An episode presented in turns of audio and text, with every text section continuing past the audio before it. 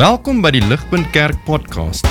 As Ligpunt Gemeente is dit ons begeerte om God te verheerlik deur disippels te wees wat disippels maak en 'n kerk te wees wat kerke plant. Geniet hierdie week se preek.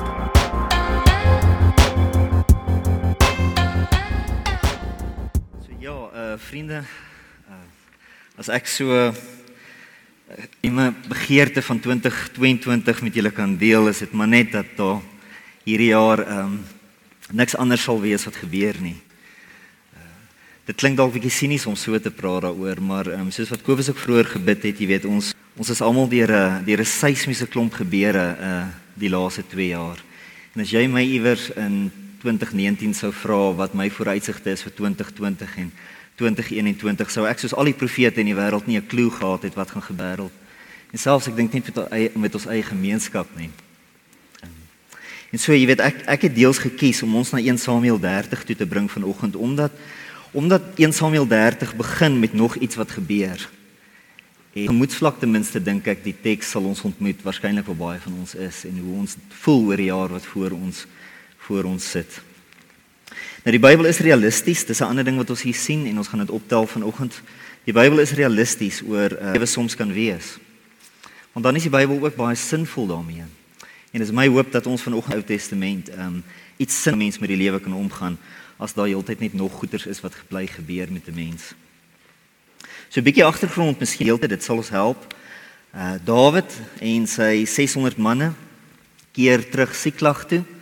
Nou uh Siklag was 'n klein dorpie in Juda waar uh, Dawid en sy manne hulle families laat skuil het. So in daardie tyd was Siklag onder uh Filistynse bewind gewees. Ehm um, en dit het Dawid 'n buffer gegee teen Saul. Nou ons lees nie van Saul so seer in hierdie hoofstuk nie, maar hy was die koning van Israel en uh Saul was uit op 'n klop Dawid.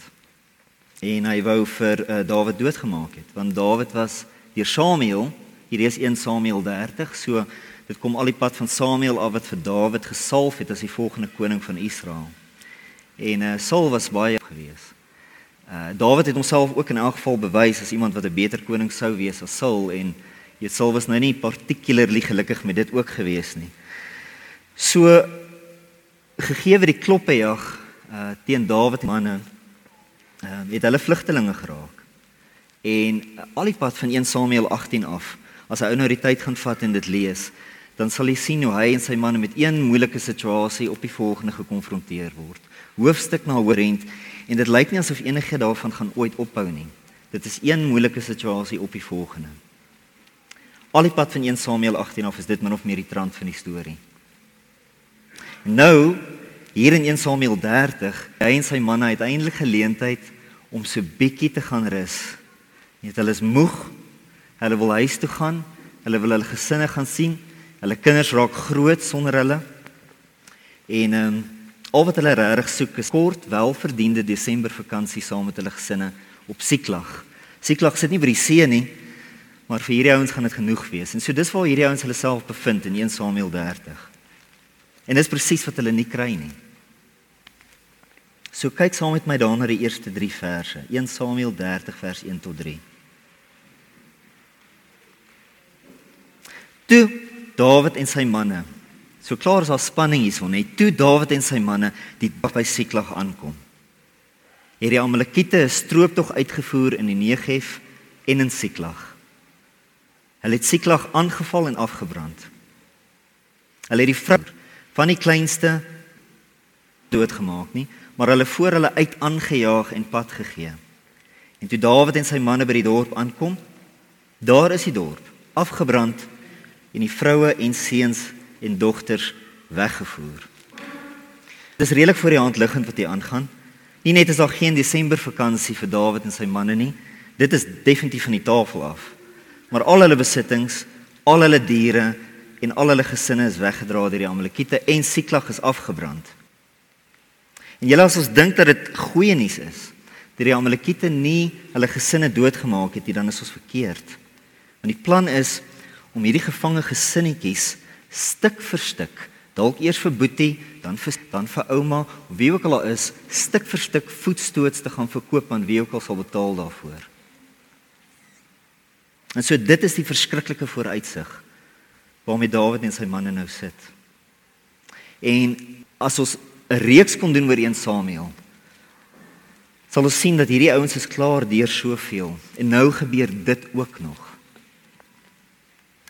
Nou, jy, jy weet jy kan maar dink wat so iets aan jou sal doen om op af te kom met so iets wat met jou gebeur. En wat het dit aan hierdie geharde manne gedoen? Want hulle is almal geharde manne. En kyk daarna vers 4. Het Dawid en die manskappe by hom het hard begin skreeu en gehuil totdat daar nie meer krag in hulle oor was om te huil nie. So die prentjie wat ons hier sien is een van totale wanhoop. Hierdie man ek. Jy weet nie net dit nie, maar kyk ook na die eerste gedeelte van vers 6. Dawid was erg in die noute want die manskappe het gedreig om hom te stenig. Al die manskappe is immers bitter ontsteld. Elkeen oor sy seuns en sy dogters. So ons het wanhoop hier in vers 4 en nou in vers 6 raak die toneel een van blaam. So hierdie ons is op 'n baie gevaarlike plek. En vir my is dit heeltemal te verstaan. Hy ook kan verstaan dat hierdie mense is waar hulle is. In die lig van dit wat gebeur het, soos wat die teks dit self stel as jy mooi daar kyk. Al die manskappe was immers bitter ontsteld. Dis nie Bybel hulle oordeel nie. Hulle was immers bitter ontsteld. Bitter ontsteld wees oor so iets wat gebeur.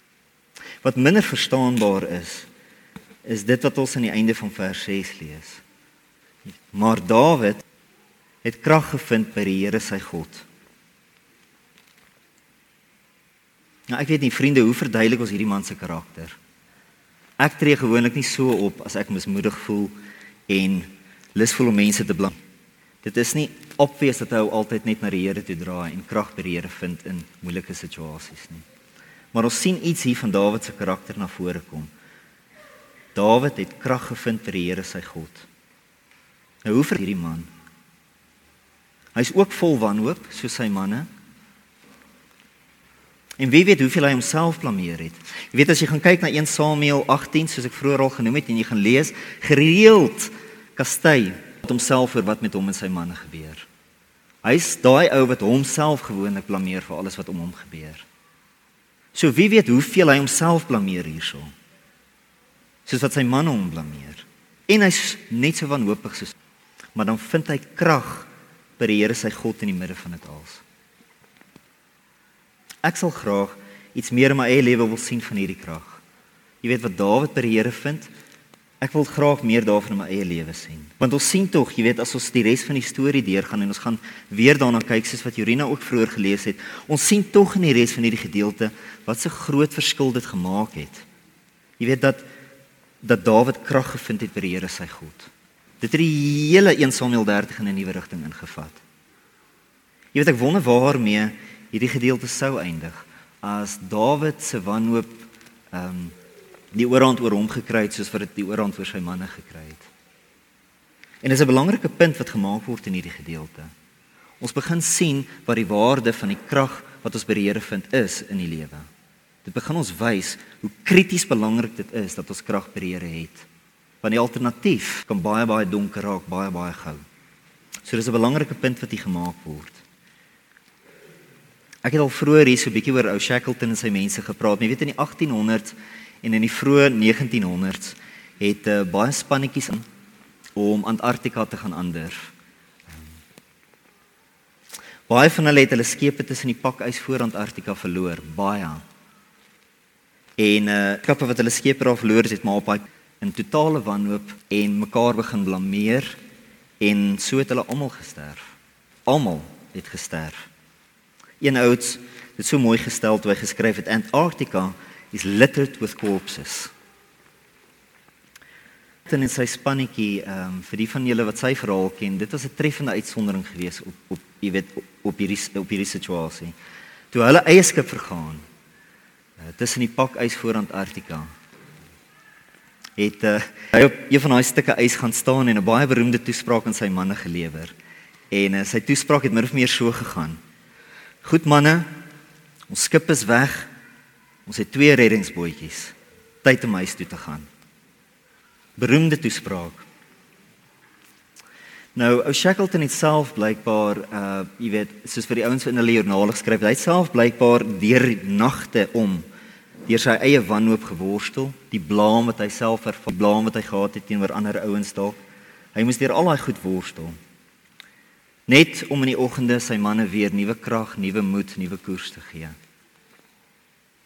En elkeen het dit uiteindelik gemaak. Elke van sy manne het dit gemaak. Hulle is almal deur.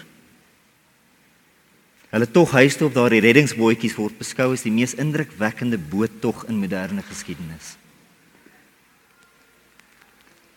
En julle dit was gebore uit wanhoop uit. So wanhoop is nie die einde van die pad nie. Maar dit is 'n plek waar mense baie baie maklik kan kan vassit. En ons sien iets soos dit uitspeel in 1 Samuel 30. Omdat krag gevind het by die Here sy God. Kritiese punt in die teks. So vriende, voor ons kyk na hoe dit al uitgespeel het, wil ek dat ons eers verstaan wat bedoel word met hierdie krag wat Dawid by die Here gevind het. Wat beteken dit? Jy weet wat's hier aan die gang? Ek dink die antwoord is opgesluit in die woorde die Here sy God. Met ander woorde, die krag wat die Here gevind het, het te doen met die wete dat die Here sy God was. Met ander woorde, dis nie dat Dawid krag gevind het by die Here nie. Dis eerder dat die Here sy God was en dit het vir Dawid krag gegee, die wie God is. Wat het dit vir Dawid beteken? Dat die Here sy God was. Want dit sal ons help om te verstaan jy, hoe dit hom krag gegee het in in in hierdie noute van 1 Samuel 30. Nou gelukkig was Dawid nie geheimsinnig hieroor nie. Hy het baie van die Bybel geskryf vir al die psalms. Hy het baie spesifiek oor hierdie saak geskryf wat dit veroken dat die Here sy God is. En die plek waar hy dit die mooiste mooiste mooiste kommunikeer, is seker vir ons almal Psalm 23. Dis waar ons Dawid dit die mooiste en die duidelikste oor sê.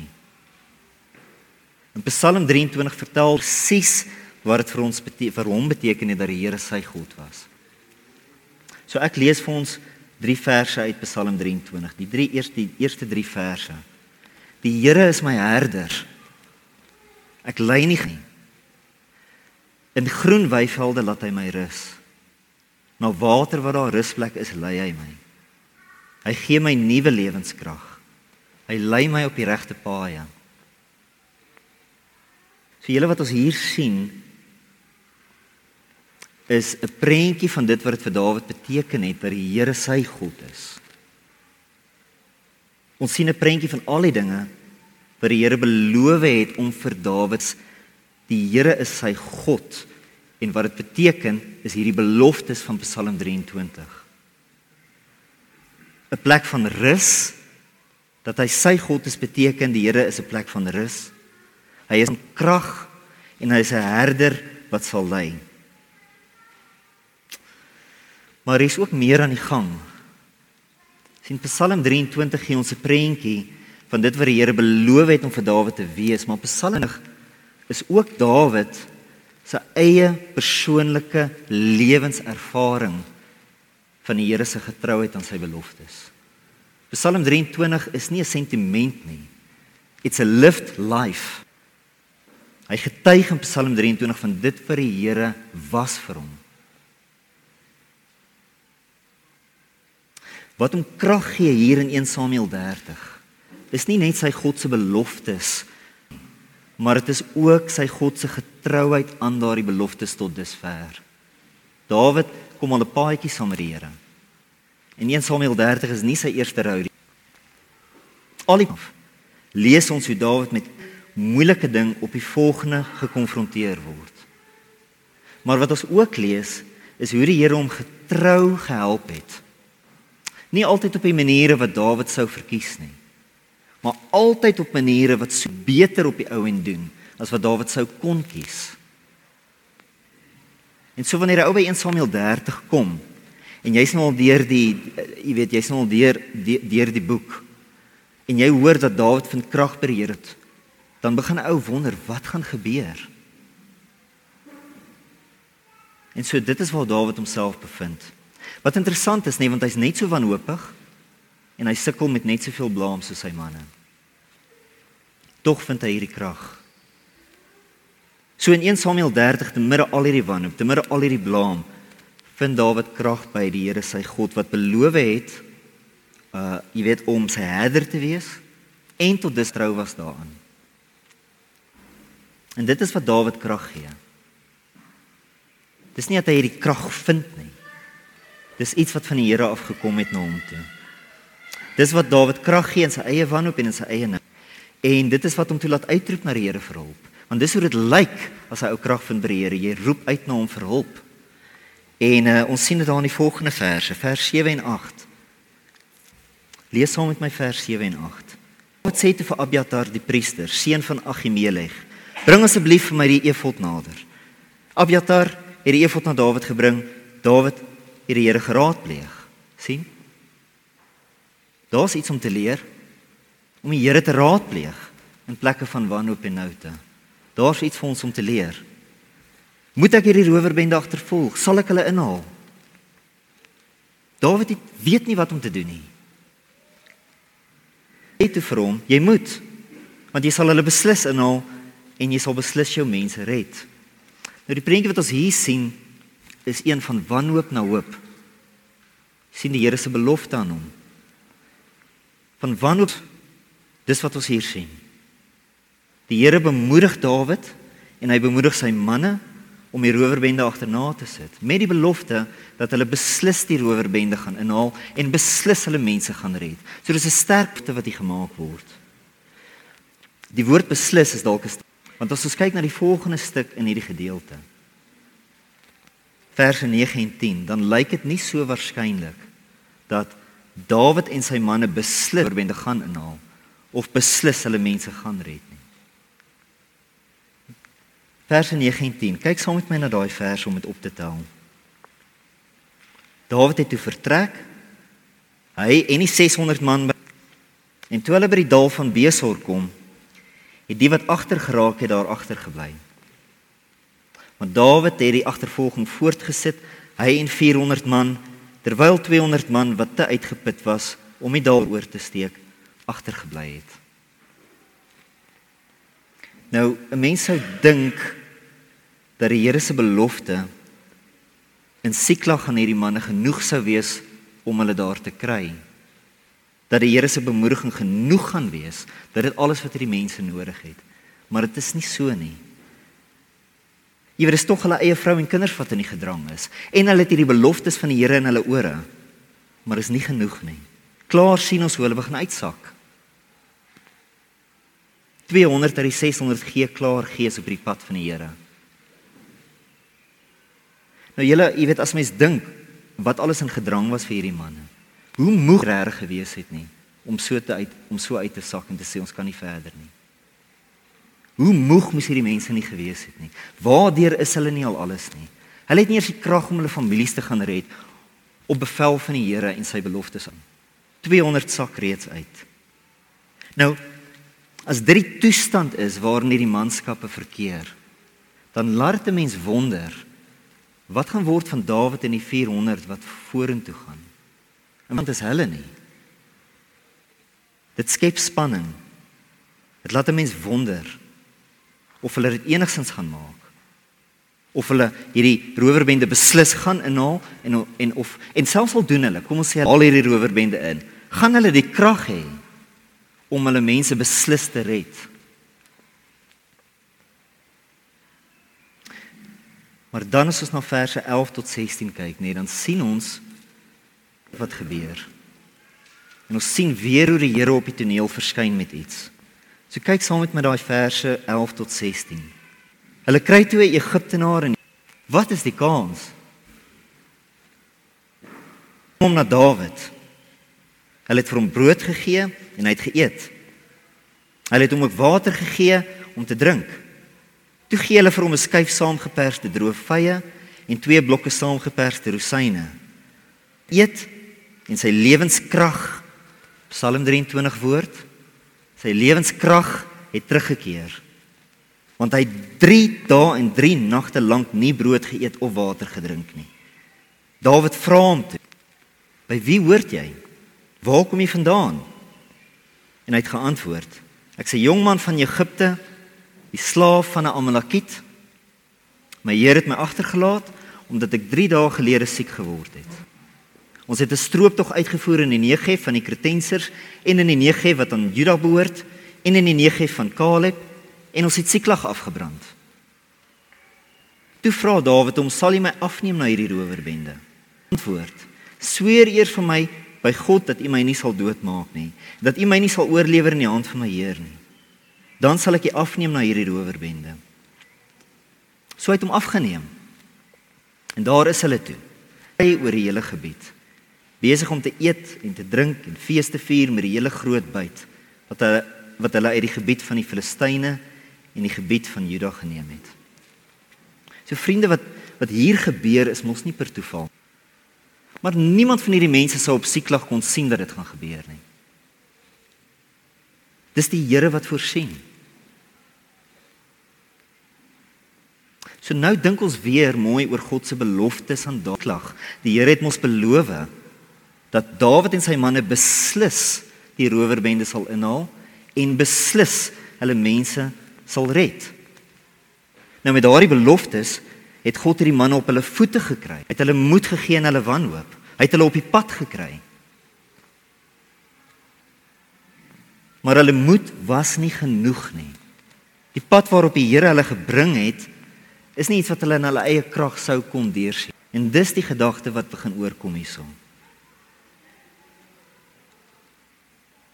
Selfs hierdie manne se moed was nie genoeg nie. Voor die dal van Besor begin hulle krag ingee. 200 het reeds uit van die res word. Wat die Here gaan hulle help? So die Here wat beloof het dat Dawid en sy manne beslis hierdie rowerbende gaan aanhaal, beslis hulle mense gaan, is ook die Here wat self die voorsiening maak om seker te maak dat sy belofte staande gaan bly dit gehou gaan word, dat dit kan gebeur. Die Egiptenaar wat hulle daar gekry het, was die Here se voorsiening aan hulle. Die arme ou. Hy's deel van 'n groot verhaal en hy wil waarskynlik ook seker maar net huis toe gaan. Dit was die Here se eie getrouheid aan sy beloftes aan hulle. Sy vriende, ons moet aan God se beloftes so dink. Sy beloftes is nie iets wat ons optel en sê dis iets wat ek op my skouer gaan sit en ek gaan hierdie belofte deursien nie. Die beloftes vir die Here maak hang af van die voorsiening wat die Here sal gee. Die beloftes bring ons op die pad. Maar die Here gaan moet op daardie pad om dit deur te sien. Dis die prentjie. En dit julle kyk bietjie na die Egiptenaar. Want hy is in 'n sekere sin so 'n bietjie van 'n spieël van wat hierdie ouens nodig het in daai velde van die dal van Besor. Net soos daardie Egiptenaar se lewenskrag hernie moes word in hierdie dal van Besor. So moes Dawid en sy manne se lewenskrag ook hernie word deur die Here se voorsiening aan hulle. En dit julle bring ons al die pad terug na Psalm 23 toe en Dawid se woorde. En ons kan sien dat Psalm 23 is meer as net woorde. Dis 'n lewe wat getuig. Hoor weer daai woorde. Die Here is my herder. Ly nie gebrek nie. In groen weivelde laat hy my rus na water waar daar rusplek is, lei hy my. Hy gee my nuwe lewenskrag. sien? Lei my op die regte paaie. Nou die dal van Besor. Bietjie so Siklag. Nie baie gelukkige plek vir hierdie ouens nie. Wie sou kon dink dat die dalsor waar 200 van Dawid se manne gees gegee het, waar hierdie arme Egiptenaar sit en doodgaan van honger en siekte, dat dit op die ou end die groen weivelde van die Here sou wees. Dat dit die die waters van rusplek is. Die plek van nuwe lewenskrag. Die plek sonder gebrek. God. Mens nie insien nie, maar dit was presies dit. En dan hierdie verse sien jy. Die Here het nie net beloftes in Siklag gemaak nie, maar in die dal van Besor het hy ook voorsien. Kudos vir die ouens wat hulle dit selfs bereik het tot by die dal van Besor in die toestand waarin hulle was. Die Here voorsien. En julle is treffend nê nee, om te lees hoe hierdie Egiptenaar vir Dawid en sy 400 manne wat oorgebly het reguit na die rowerbende se kamp toe vat. En hy doen dit so siek nie eers vermoed hierdie manne is op hulle nie. En dit gebeur alles terwyl hierdie ouens partytjie hou. Dit raak in 'n sekere sin bietjie ridiculous om te sien hoe die Here se voorsiening lyk vir hierdie mense. Toe hulle vervul die Here sy beloftes aan Dawid. Dat hulle beslis die rowerbende sal inhaal en beslis al hulle mense sal red. Maar belangrik om te sien vir ons, dis nie in hulle eie krag nie. Dit is als in die voorsiening van die Here wat dit gebeur. So verse 17 tot 20. Kom ons lees dit om te sien hoe daai situasie toe uitgespeel het. Dawid het hulle aangeval ligdag af tot die aand van die volgende dag. Hierdie ouens het nuwe lewenskrag. Niemand van hulle het ontkom nie, behalwe 400 jong manne wat op kamele geklim en gevlug het. Dawid het alles wat die Amalekiete gevat het. Dawid het ook sy twee vroue gered. Niks van wat aan hulle behoort is vermis nie. Klein of groot, seun of dogter of enige iets van die buit nie. Alles wat die bende vir hulle gevat, dit alles het Dawid teruggebring. Dawid het ook op al hulle klein vee en beeste beslag gelê. Die manne het dit voor die ander vee aangejaag en gesê dit is Dawid se byt. Hierdie is 'n ehm um, is 'n oortreffende beskrywing. Dis 'n oortreffende beskrywing van die Here se getrouheid aan Dawid. Dit is net so kleurvol hierdie beskrywing soos daai gehuil op En ons kan sien wat dit vir Dawid moes beteken het dat die Here sy God was. Die man het regtig iets gehad om oor te getuig. Maar weer eens julle daar's veel en bietjie nader bring vir ons so. 1 Samuel 30 wys ons nie net hoe Dawid in sy eie wanhoop en in sy eie noute krag vind by die Here sy God nie. Dit wys ons veel meer as dit. Kom ons kyk na daai verse 21 tot 1. Ek gaan deur dit lees en ek wil sien of ons dit kan optel. Vers 21 tot 31. Hierdie gedeelte help ons om te begin sien wat 1 Samuel 30 ons eintlik wil leer. So kom ek lees dit vir ons. Toe Dawid by die 200 manne aankom wat te moeg was om Dawid te volg, en vir wie hulle in die dal van Besor agtergelaat het, het hulle Dawid en die manskappe wat by hom was te gemoed gegaan. Toe Dawid by die manskappe kom, het hy gevra hoe dit met hulle gaan. Maar al die slegtes en deegniete onder die manne wat saam met Dawid gegaan het, het gereageer en gesê omdat hulle nie saam met ons gegaan het nie, sal ons nie vir hulle van die byt gee wat ons teruggevat het nie. Behalwe elkeen se vrou en kinders, die mag hulle weglei en dan met hulle gaan. So good luck, you know. Dis niks vir julle, maar gaan met julle vrouens en kinders.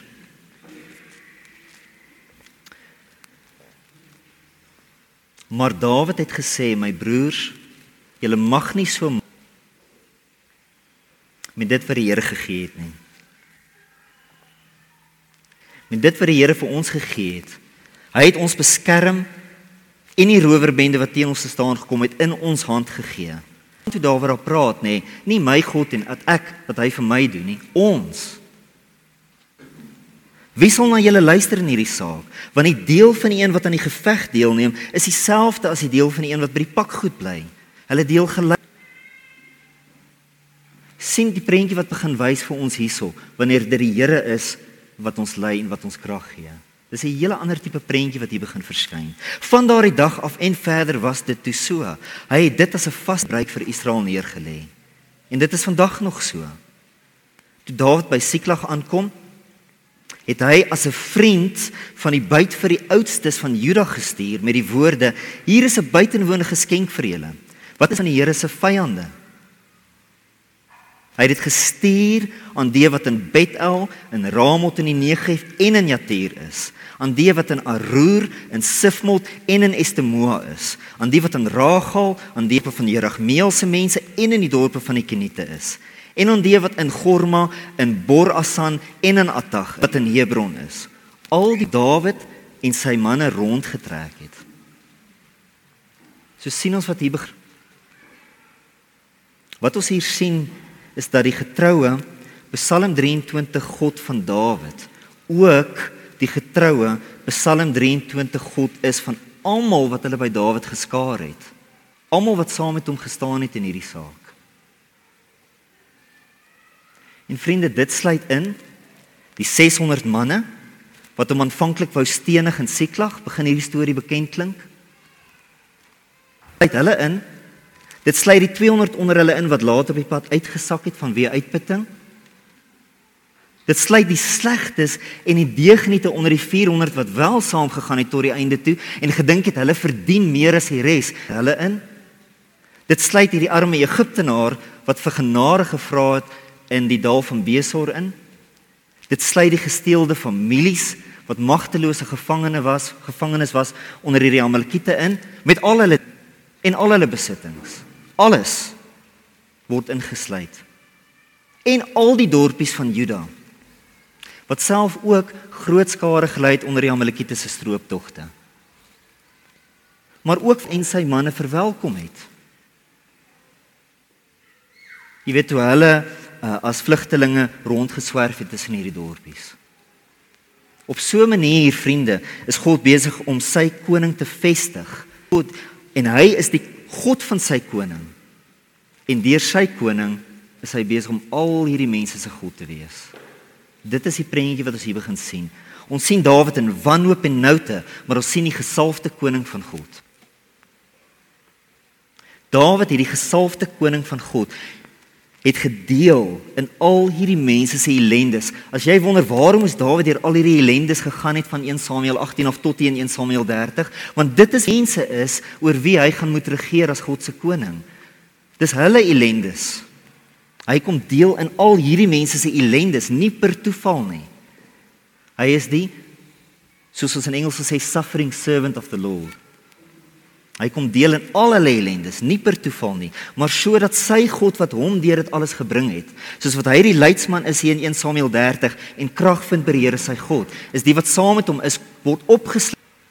Hy is hulle sodat sy God wat hom deur dit alles gebring het, ook hulle God kon wees, wat hulle deur dit alles gebring het. 1 Samuel 30 wys ons dat God geen onderskeid getref het tussen Dawid, se koning, en al hierdie mense. En al hierdie mense, julle met al hulle stampe en stote.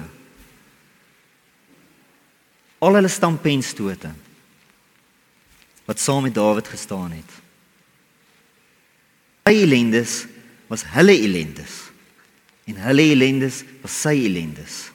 En soos God aan hom getrou was, was hy ook aan hulle getrou.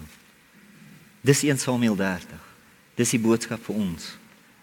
Nou jy net vinnig terug huis toe bring vir ons want ek wil nie te ver weg gaan van hierdie storie af nie. Hy het soveel krag. Uh Dawid is natuurlik nie vandag meer God se gesalfde koning nie. Hy was vir daai mense in daai streekgebied en in Juda en vir daai tyd. Maar die seun van Dawid, Jesus, is die gesalfde koning van die Here vandag. En die belofte aan Dawid wat vir die Here gegee het is dat sy seun op die troon vir ewig sal sit en oor alle nasies sal Die God van Dawid se seun is die God van Dawid, is die God van Psalm 23. Jesus soos Dawid het in al ons ellendes kom deel, nie per toeval nie. Hy het in ons wanhoop en in ons nou te plek het hy uitgeroep na die Here vir leiding en krag. En sy God, sy Vader het hom deur dit gebring, maar nie net vir hom nie. Ons almal hou vas aan sy kleed. Saam op die pad. En dis hoe ons dit gaan maak. Dis hoe ons gaan deurkom. En al ons ellendes het hy kom deel sodat ons sy ellendes kan wees. En soos wat sy Vader, die God van Dawid, die God van Psalm 23, Jesus na die groen weivelde deurgebring het, vriende, so sal hy vir ons ook deurbring. Wat te doen? So wat is ons fondasie hierdie jaar? Ons het vroeër in die liedjie gesing hieroor. Daar's nie baie praktiese toepassing hier vandag nie. Ons gaan bou op hierdie fondasie, maar die fondasie is dit. Ons hou vas en vertrou op Jesus. Want sy God en sal ons versterk. Dit sy beloftes iets om te leer hierdie jaar, die beloftes van God. En hy beloof om te voorsien en ons daar te bring. Dit Jesus wanneer ons kyk, die leidsman of soos wat die Engels sê the author and the perfecter of our faith. En dit is die dinge vriende. Dis die goeie nuus waarmee ek vanoggend wil hê ons met hierdie jaar ingaan. Ek het wil gesê boodskap, ek gaan vir ons bid julle. En kom ons gaan wees hierdie mense hierdie jaar wat aan Jesus vashou. Vader, dankie vir die woord vanoggend. Dat ons oor die boog kan skiet, Here, met sulke goeie nuus. Ons het dit nodig hierdie fondasie aan. Here, ek is my begeerte vanoggend dat ons almal dit weer sal hoor. Want ek is nie oortuig Here ons is almal gefestig op hierdie pad soos wat hierdie laaste 2 jaar verby is. Soos ons dalk benoud voel, seker voel. Al die dinge Here wat hierdie manne en selfs Dawid beleef het. Daar's soveel van dit in ons eie lewens, in ons eie gemeenskap soos wat ons beleef het. Here bemoedig ons vir oggend weer. Geef ons weer nuwe moed en help ons om te rus in wat U sal gee op die regte tyd. Here, dankie vir die belofte, dankie vir die getrouheid, dankie vir Dawid en alles wat hy gedoen het in sy lewe om ons te versterk. So Here, ons vra versterk ons en in die plekke waar ons nou te beleef, help om te weet ons is veilig in die hand van Jesus. En Here vir almal wat ver oggend nie saam met hom staan nie, help hulle ook om te sien dat dit veel beter is om saam met die seun van God, sy gesalfde koning te staan en hom toe te lei. Ons vra krag in hom in Jesus se naam. Amen. Vir meer inligting oor Ligpunt Kerk, besoek gerus ons webwerf op www.ligpunt.com of kontak ons gerus by info@ligpunt.com